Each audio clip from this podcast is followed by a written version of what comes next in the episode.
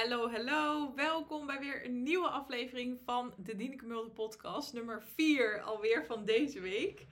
En de week is alweer voorbij. Echt bizar. Het is vandaag vrijdag. Het is echt super snel gegaan.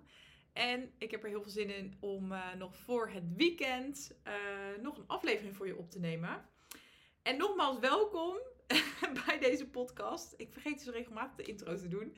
Maar welkom bij de podcast voor als je uh, binnenkort voor de tweede keer gaat bevallen. Of hoopt in de toekomst voor de tweede keer te gaan bevallen. Maar je ziet er tegenop. Uh, je ziet er best wel tegenop omdat je niet tevreden terugkijkt op je eerste bevalling. Die niet ging zoals jij graag had gewild, zoals jij graag je had willen voelen. En um, dan ben je hier helemaal goed. Heel leuk dat je weer luistert naar een nieuwe aflevering. In de aflevering van vandaag wil ik het met je gaan hebben over het creëren van een veilig gevoel tijdens je bevalling. Ik heb het hier heel veel over gehad. Regelmatig in heel veel podcastafleveringen.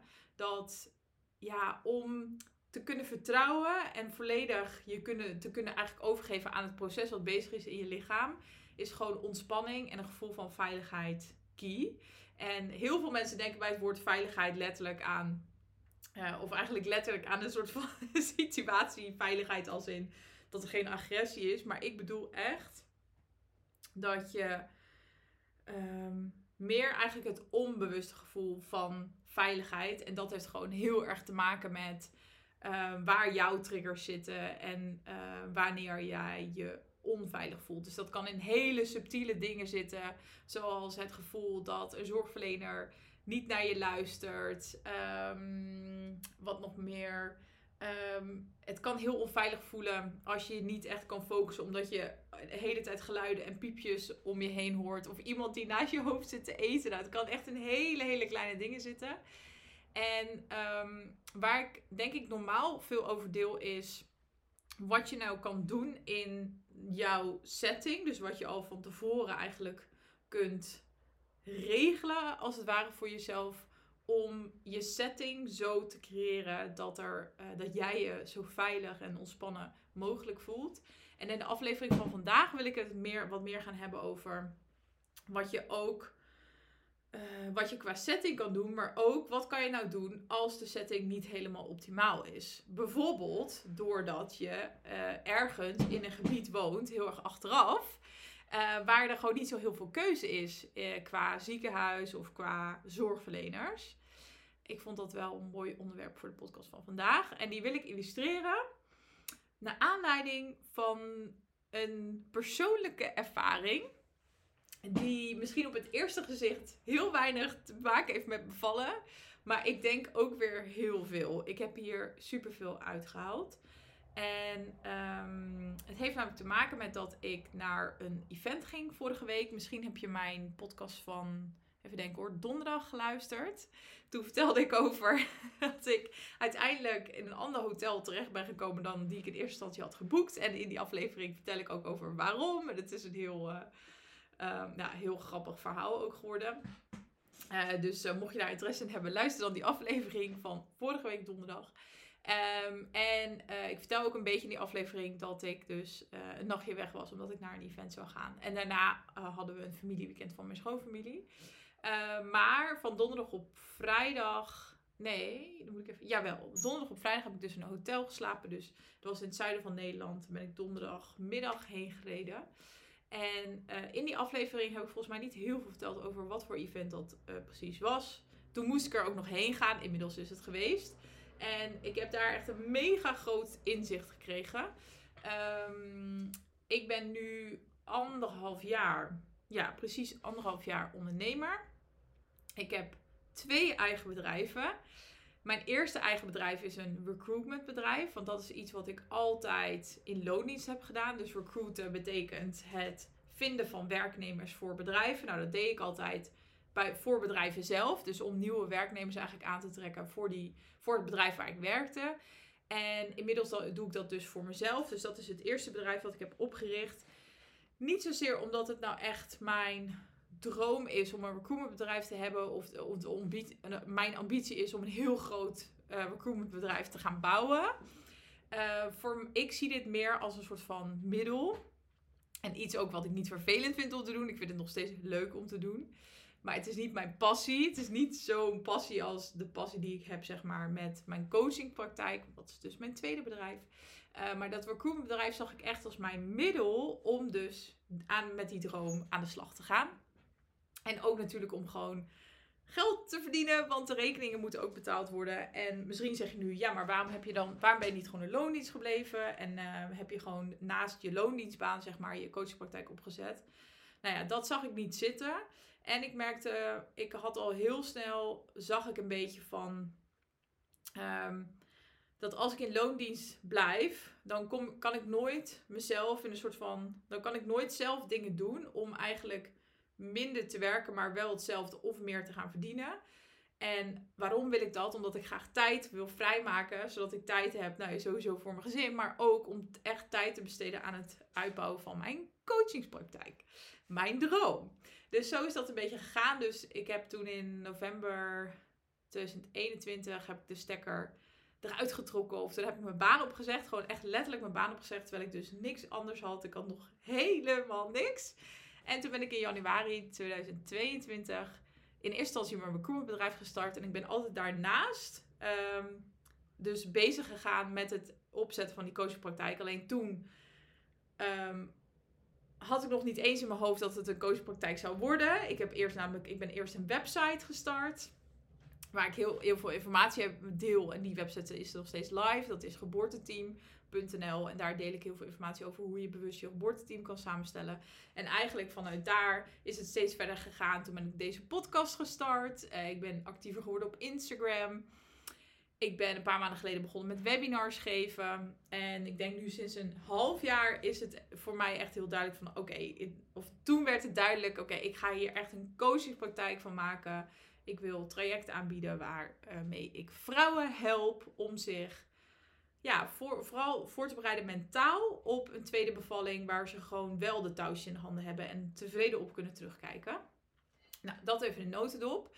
Uh, maar toen ik dus mijn baan op ging zeggen, toen wist ik al, oké, ik ga het voor mezelf beginnen. Maar ik had helemaal geen verstand van het ondernemerschap, echt nul.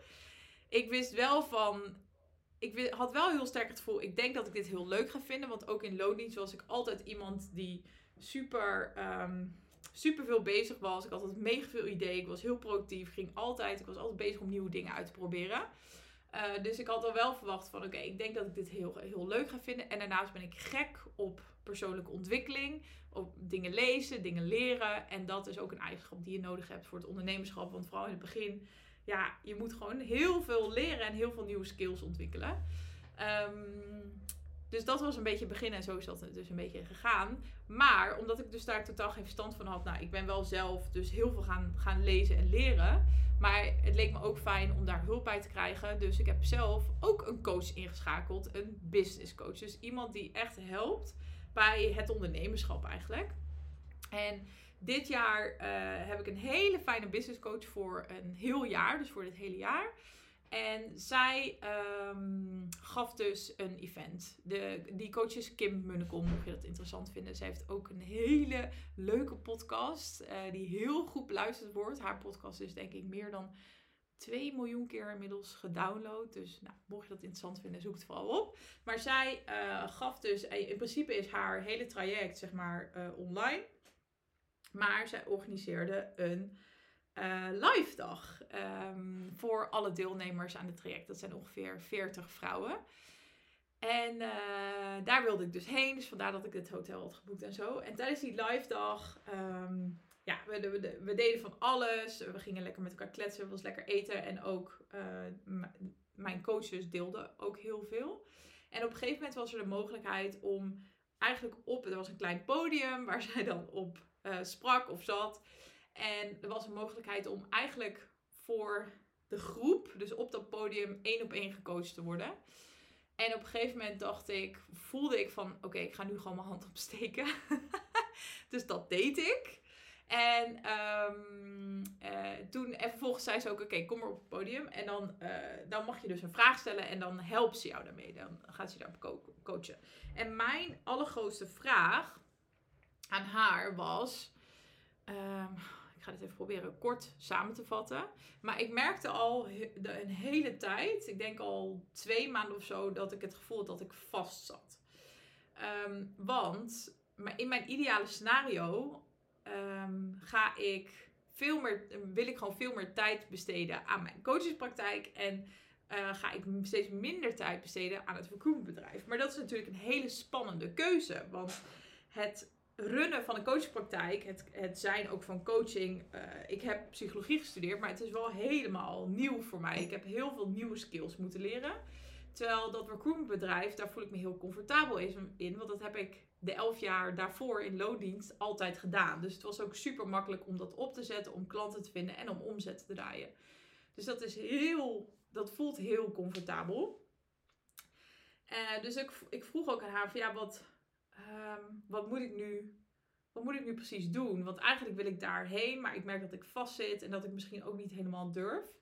En er, zit ook een soort van financieel uh, plaatje bij. Ik ben even heel open nu hoor. Maar ehm, met um, mijn recruitmentbedrijf weet ik precies wat ik moet doen om geld te verdienen, om omzet te draaien. Terwijl met mijn coachingpraktijk, ja, dat loopt echt nog niet zo hard. Um, omdat ik ook gewoon nog maar een aantal maanden bezig ben. Ik, heb, ben inmiddels vrouwen aan het coachen. Ik heb ook vrouwen, een aantal vrouwen gecoacht. Maar uh, ik, kan, ik kan echt nog niet zeg maar fulltime van mijn coachpraktijk leven, om het zo te zeggen, op dit moment. Um, maar ik wil uiteindelijk, ja, mijn wens is dat dat compleet andersom gaat zijn. Um, en toen hadden we daar een gesprekje over en zij ik vind dat zij altijd super goede vragen kan stellen, waardoor je opeens heel anders na gaat denken. En waar we het over hadden is dat ik zei van ja, ik heb nu ook een, een buffer, een financiële buffer opgebouwd.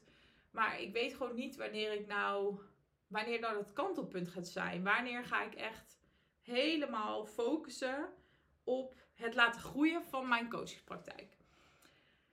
En toen stelde ze een paar vragen en opeens, en wat ik altijd super knap vind, of wat ik echt een eigenschap vind van, van een hele goede coach, en dat is zij, is dat ze de juiste vragen stelt, waardoor jij zelf opeens zelf het antwoord in jou naar boven komt. Dus in plaats van dat de coach zeg maar met de antwoorden komt, um, geef jij zelf als het ware het antwoord, terwijl je die nog eerst nog niet had. En dat gebeurde bij mij. Want opeens kreeg ik gewoon echt een huge inzicht, namelijk Ehm, dat ik heel sterk voelde van, oké, ik ben nu, dus mijn gevoel van veiligheid, want het heeft in mijn geval heel erg met veiligheid te maken. En er zijn natuurlijk een paar aspecten in het leven, eh, onder andere geld, die, wat voor heel veel mensen natuurlijk gerelateerd is aan veiligheid. Want ja, bij mij, het gaat gewoon um, heel erg goed. Um, maar ook bij mij hangt er gewoon best wel veel van af. Uh, er moet wel gewoon een hypotheek betaald worden. En we moeten onze boodschappen kunnen doen en onze vaste lasten kunnen betalen. Um, dus daar ben ik ook gewoon heel veel uh, mee bezig. Dus dat is bij mij heel erg gerelateerd aan veiligheid. En, um, en opeens kreeg ik ook kreeg ik een soort van inzicht. Ja, kreeg ik gewoon een inzicht. En zei ik ook van, maar wacht eens even. Er gaat waarschijnlijk nooit een punt zijn dat ik um, er gaat waarschijnlijk nooit een punt komen dat ik het gevoel heb dat er genoeg, dat er genoeg geld is om, um, uh, om die, die sprong in het diepe te kunnen wagen, als het ware. Ik hoop dat je me nog een beetje volgt.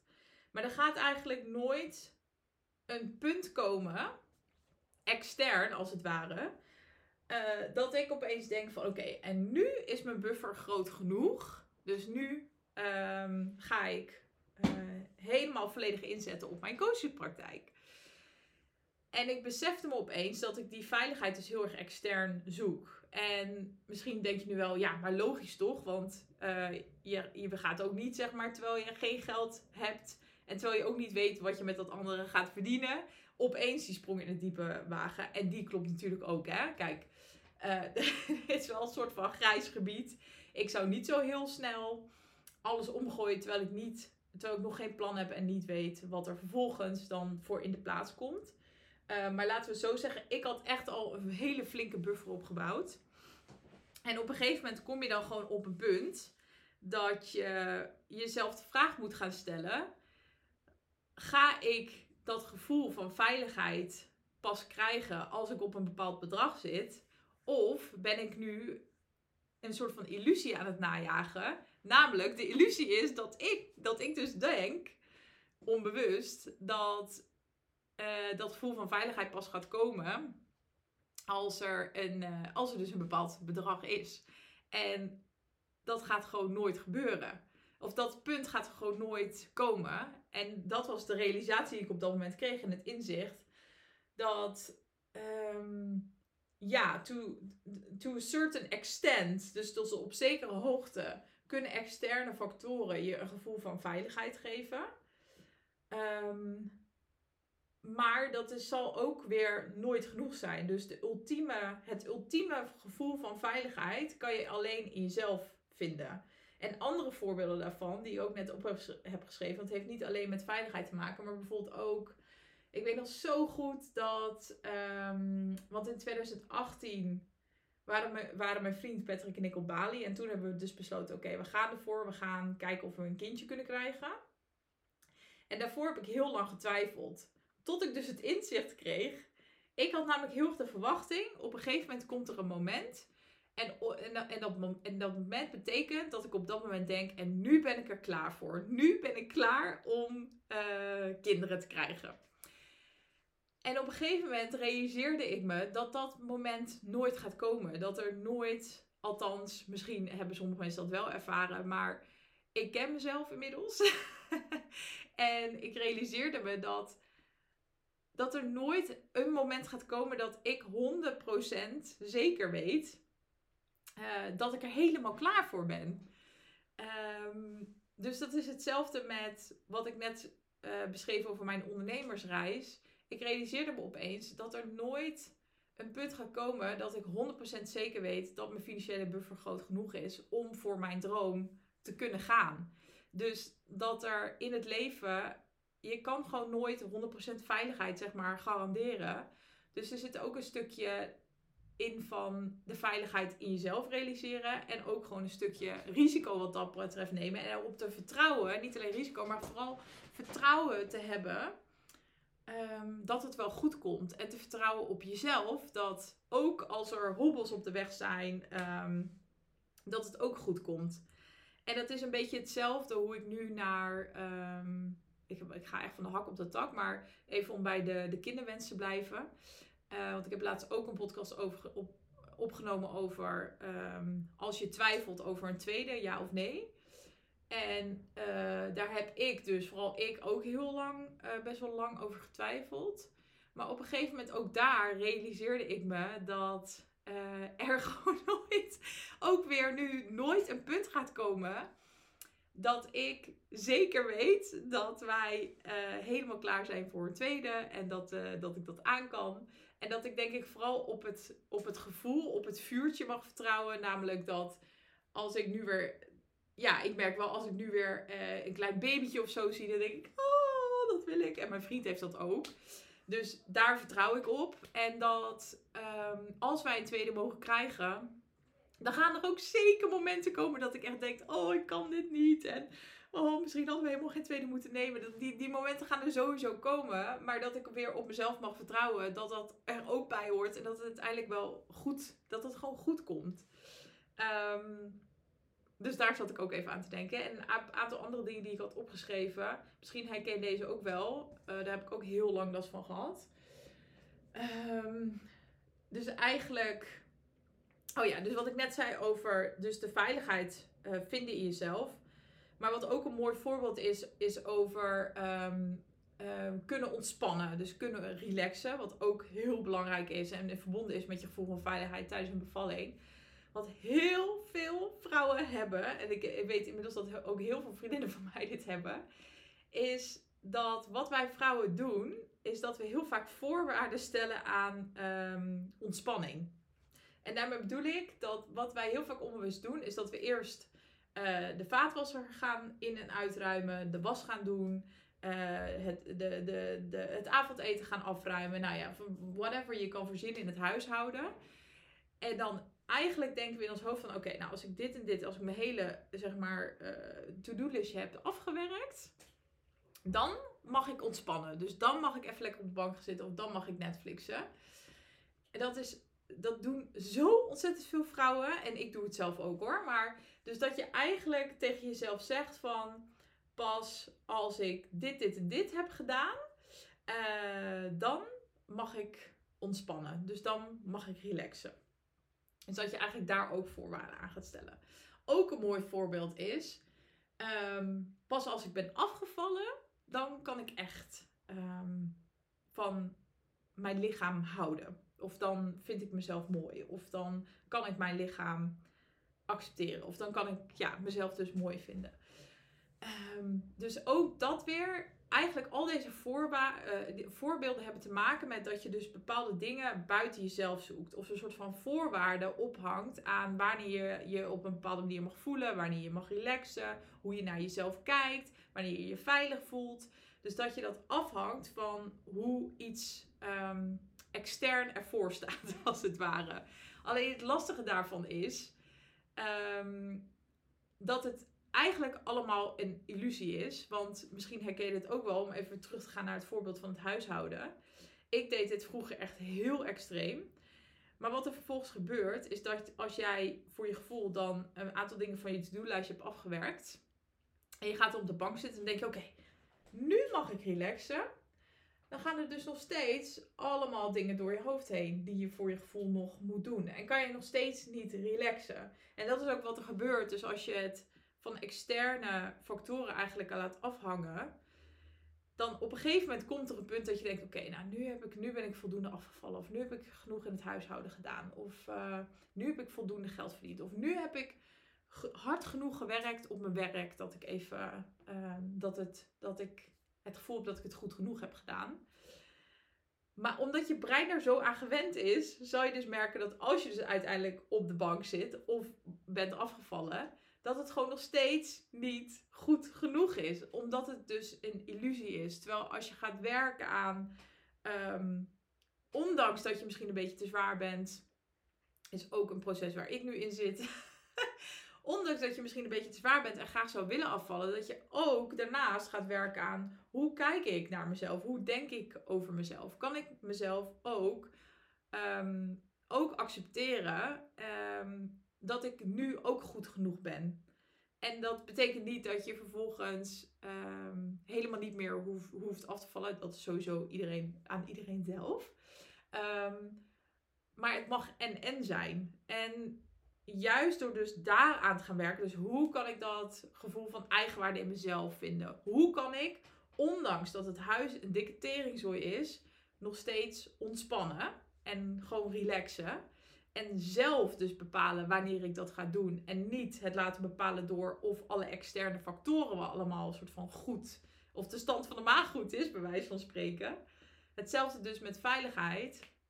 Hoe kan ik zelf gaan bepalen, dus zelf de lead nemen in um, dat ik mijn werk goed, dat ik gewoon mijn werk goed genoeg doe. Of dat ik gewoon um, een voldoende financiële buffer heb opgebouwd.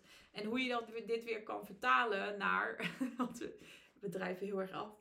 Maar hoe je dit weer kan vertalen naar je bevalling.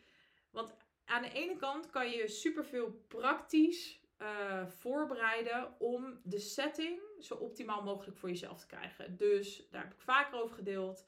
Door um, heel goed te communiceren met je partner en echt een team te zijn met je partner. En je partner ook echt inschakelen als een soort van, van placeholder bijna. Hoe zeg je dat? Nee, place. Spaceholder. Placeholder spaceholder, dus van je birth space als het ware. Maar ook door heel bewust een verloskundige te kiezen, door heel bewust als je polyklinisch of medisch gaat bevallen, heel bewust te kijken in welk ziekenhuis ga ik bevallen als je medisch gaat bevallen, om te kijken of je wellicht zelfs nog wat te kiezen hebt qua gynaecoloog bij wie je onder, onder zorg bent. Nou ja, alles waar je maar iets in kan kiezen, dat je daar dus bewuste keuze in gaat maken. Maar daar heb je natuurlijk niet 100% controle over. Want het kan zo zijn dat je echt een super fijne gynaecoloog hebt. En op het moment dat jij gaat bevallen, of op het moment dat jouw keizersnede staat gepland, bijvoorbeeld, dat diegene ziek is. Of nou ja, er iets gebeurt waardoor die er niet bij kan zijn. Eh, het kan zijn, ook wat ik in het begin van deze aflevering noemde, dat je in zo'n uithoek van Nederland woont, of van België. Ik weet dat ik ook Belgische luisteraars heb. Uh, dat, dat er gewoon niet zoveel te kiezen is. Dus dat er maar twee verloskundige praktijken zijn waar je uit kunt kiezen. Of, of één ziekenhuis of twee gynaecologen. Of nou ja, noem het maar op. Waardoor je dus minder keuzevrijheid hebt. En um, wat kan je dan nog uh, daarin zelf doen? En daarin is het denk ik heel belangrijk. Dus naast alle keuzes, echt heel bewuste keuzes maken die je kan maken. Ook te kijken van oké, wat als er door externe factoren toch iets van een gevoel van onveiligheid optreedt, wat kan ik dan zelf doen? Hoe kan ik dat in mezelf vinden op dat moment? En daar ga je gewoon, dat is natuurlijk nog, eigenlijk nog impactvoller en daar ga je nog meer aan hebben. Dat dient je nog meer dan alleen maar uh, te gaan kijken, alleen maar te gaan focussen op die externe factoren ook een mooie is, um, het voorbeeld wat ik net gaf, over je huis helemaal op orde willen hebben. Um, ook daarmee, als je daar nu al mee gaat oefenen met zoiets heel simpels als je huis op orde hebben. Ik heb dit laatst letterlijk als een opdracht aan een van mijn, mijn vrouwen meegegeven die ik nu coach. En ik heb, ben de opdracht zelf ook gaan uitvoeren. Uh, en het is iets super kleins, maar um, Patrick en ik hebben nu echt de huishoudelijke taken echt opgedeeld. Als in, ik ben chef was geworden en hij is chef vaatwasser geworden. Terwijl, het is niet zo dat hij helemaal niks deed, maar ik merkte toch dat het weer altijd heel vaak erin dat ik toch wel meer deed. Ook omdat ik thuis werk, dus tussendoor allemaal dingen aan het doen was. En nu hebben we heel duidelijk een soort van verdeling. Maar als je die verdeling maakt, en dat hebben we ook echt met elkaar afgesproken dan ga je dus niet uh, de ander ook nog een soort van bekritiseren. Dan geef je echt de volledige verantwoordelijkheid weg. Ook als dat betekent dat het aanrecht helemaal vol met vaat staat voor anderhalve dag. Want wat heel veel mannen vaak doen. Kijk, wij vrouwen willen heel vaak dat alles bijgewerkt is, dat de was is bijgewerkt en dat het aanrecht leeg is. Maar mannen wachten heel vaak tot het laatste moment en dan doen ze in één keer alles. En voor mij was dit ook een heel interessant proces om dit dus los te laten en ook te accepteren van oké, ik ben hier nu in huis, de hele aardig staat vol. Ik hou van een leeg aanrecht, maar om dus eigenlijk die voorwaarden voor mijn eigen rust los te kunnen laten. En dat lukt alleen maar door jezelf letterlijk te exposen aan het feit dat je huis een zooi is. En dus te accepteren ook dat een ander uh, het op zijn of haar eigen manier doet, op zijn of haar eigen tempo. En dit hele kleine dingetje gaat je ook helpen tijdens je bevalling. Het maakt dat je wat makkelijker kunt loslaten hoe, um, hoe de omgeving op jou reageert. Dat er allerlei apparaten aan het piepen zijn. Dat er misschien mensen in en uitlopen. En niet dat je dat, ik bedoel niet dat je een soort van Boeddha wordt en dat je dat helemaal kan negeren en dat je helemaal je eigen space zit. Dat zou natuurlijk top zijn. Maar het maakt wel dat je wat makkelijker, omdat je brein, heel vaak is vrouw, ons vrouwenbrein zo gewired, dat we alleen maar als er aan die, die, die bepaalde voorwaarden is vandaan, dat we ons veilig voelen, dat we kunnen ontspannen, dat we kunnen relaxen. En alles wat je het hier en nu al doet om jouw, dat systeem, jouw brein eigenlijk een soort van te herprogrammeren, te resetten als het ware. Dat is alleen maar gewoon super mooi en dik meegenomen ehm, in je bevalling. Het gaat je gewoon heel erg helpen om met onverwachte situaties om te gaan. Om met situaties om te gaan die je normaal in het dagelijks leven heel erg als een soort van voorwaarde voor jezelf zou stellen. Voor veiligheid, voor, om te kunnen ontspannen, om te kunnen relaxen. Maar op dat moment dus veel meer los kan koppelen en los kan laten. En dus los kan zien van ehm, jouw eigen gevoel en hoe jij op dat moment in je lichaam zit, in je lijf. En je dus ook wel beter kan afsluiten van wat er om je heen gebeurt. Ik hoop dat dit een beetje duidelijk is, dat ik het duidelijk heb uitgelegd. Anders let me know. Maar ja, dit heeft mij ontzettend geholpen. Dus enerzijds is het inzicht en bewustzijn. Dus dat is als dit helemaal nieuw voor je is, dan wil ik je ook echt meegeven om als eerste stap gewoon bewustzijn hierop te gaan krijgen. En eens te kijken, gewoon puur in je dagelijks leven. Waar ben ik mezelf voorwaarden aan het stellen?